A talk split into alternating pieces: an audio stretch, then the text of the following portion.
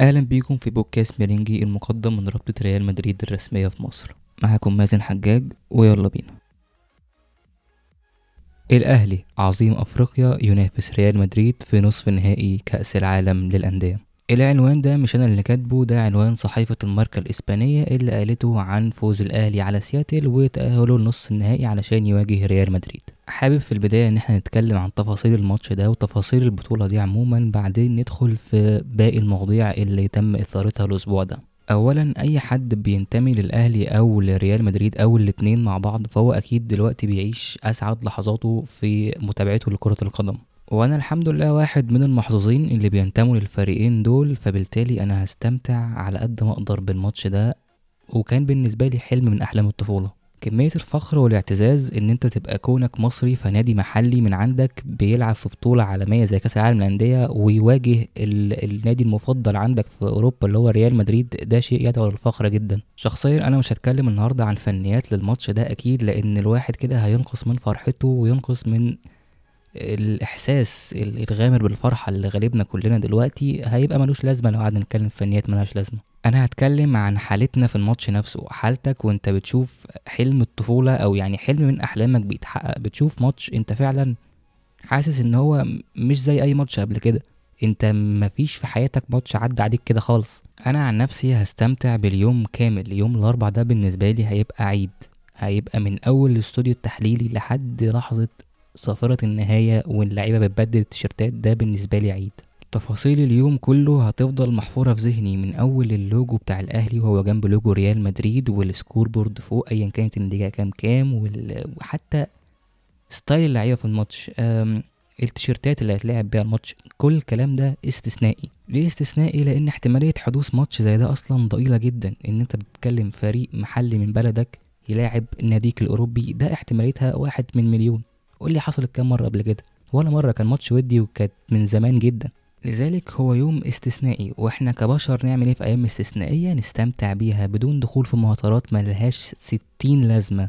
استمتع بالماتش واللي قلبك هيميل ليه ما فيهوش نقاش. أنت دلوقتي قلبك مايل لفريق معين منهم.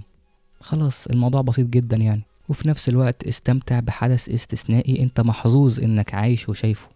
ده مش كل الناس ليها الفرصة إن هي تشوف ماتش زي ده لذلك استمتع. طيب إيه هي غيابات ريال مدريد عن الماتش ده؟ علشان نعرف الغيابات تعالوا نبص على ماتش ريال مدريد ومايوركا النهارده العصر. أول حاجة اتفاجئنا بيها هو وجود لونين. ولونين الحارس التاني لريال مدريد حل محل كورتوا لأن كورتوا حس ببعض الانزعاجات أثناء عملية الإحماء. طب هل كورتوا هيشارك قصاد الأهلي في نص نهائي كأس العالم للأندية ولا لأ؟ الموضوع محل شك لأن إن حارس مرمى يشتكي من انزعاجات في عملية احماء قبل الماتش ده يدل إن في حاجة. والغياب التاني عن ماتش مايوركا كان كريم بنزيما اللي حل مكانه رودريجو وزي ما شفنا ما كانش فعال خالص.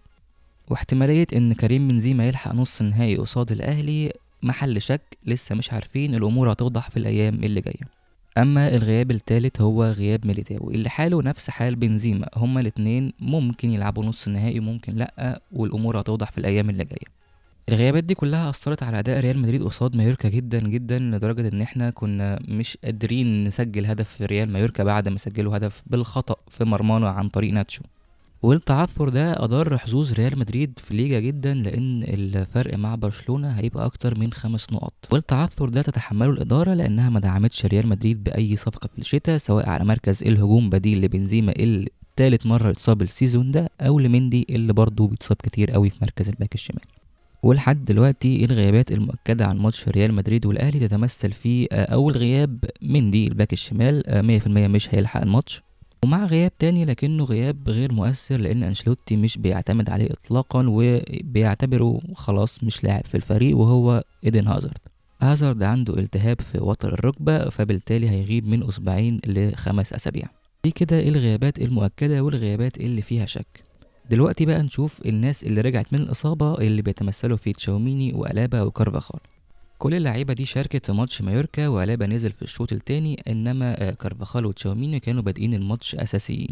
عودة تشاوميني مفيدة جدا لريال مدريد لأنه صمام خط النص بتاع الريال وكمان عودة ألابا اللي ممكن نشوفه بيلعب كظهير أيسر قصاد الأهلي.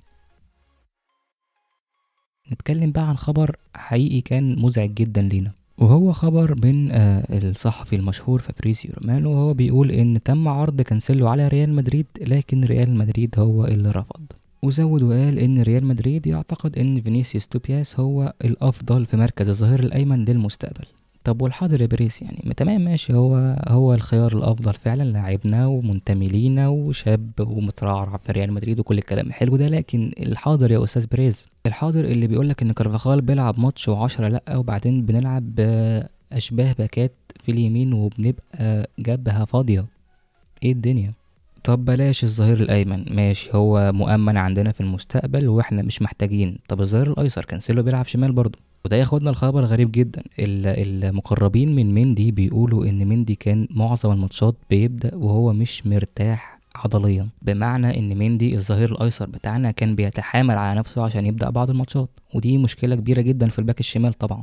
ولكن بريز وريال مدريد كانوا واضحين من البداية لا يوجد تعاقدات في الميركاتو الشتوي بأي حال من الأحوال. ليه؟ محدش عارف. آخر موضوع معانا في حلقة النهاردة هو ازدحام جدول ريال مدريد اللي هيلعب ماتش كل تلات أيام في أربع مسابقات.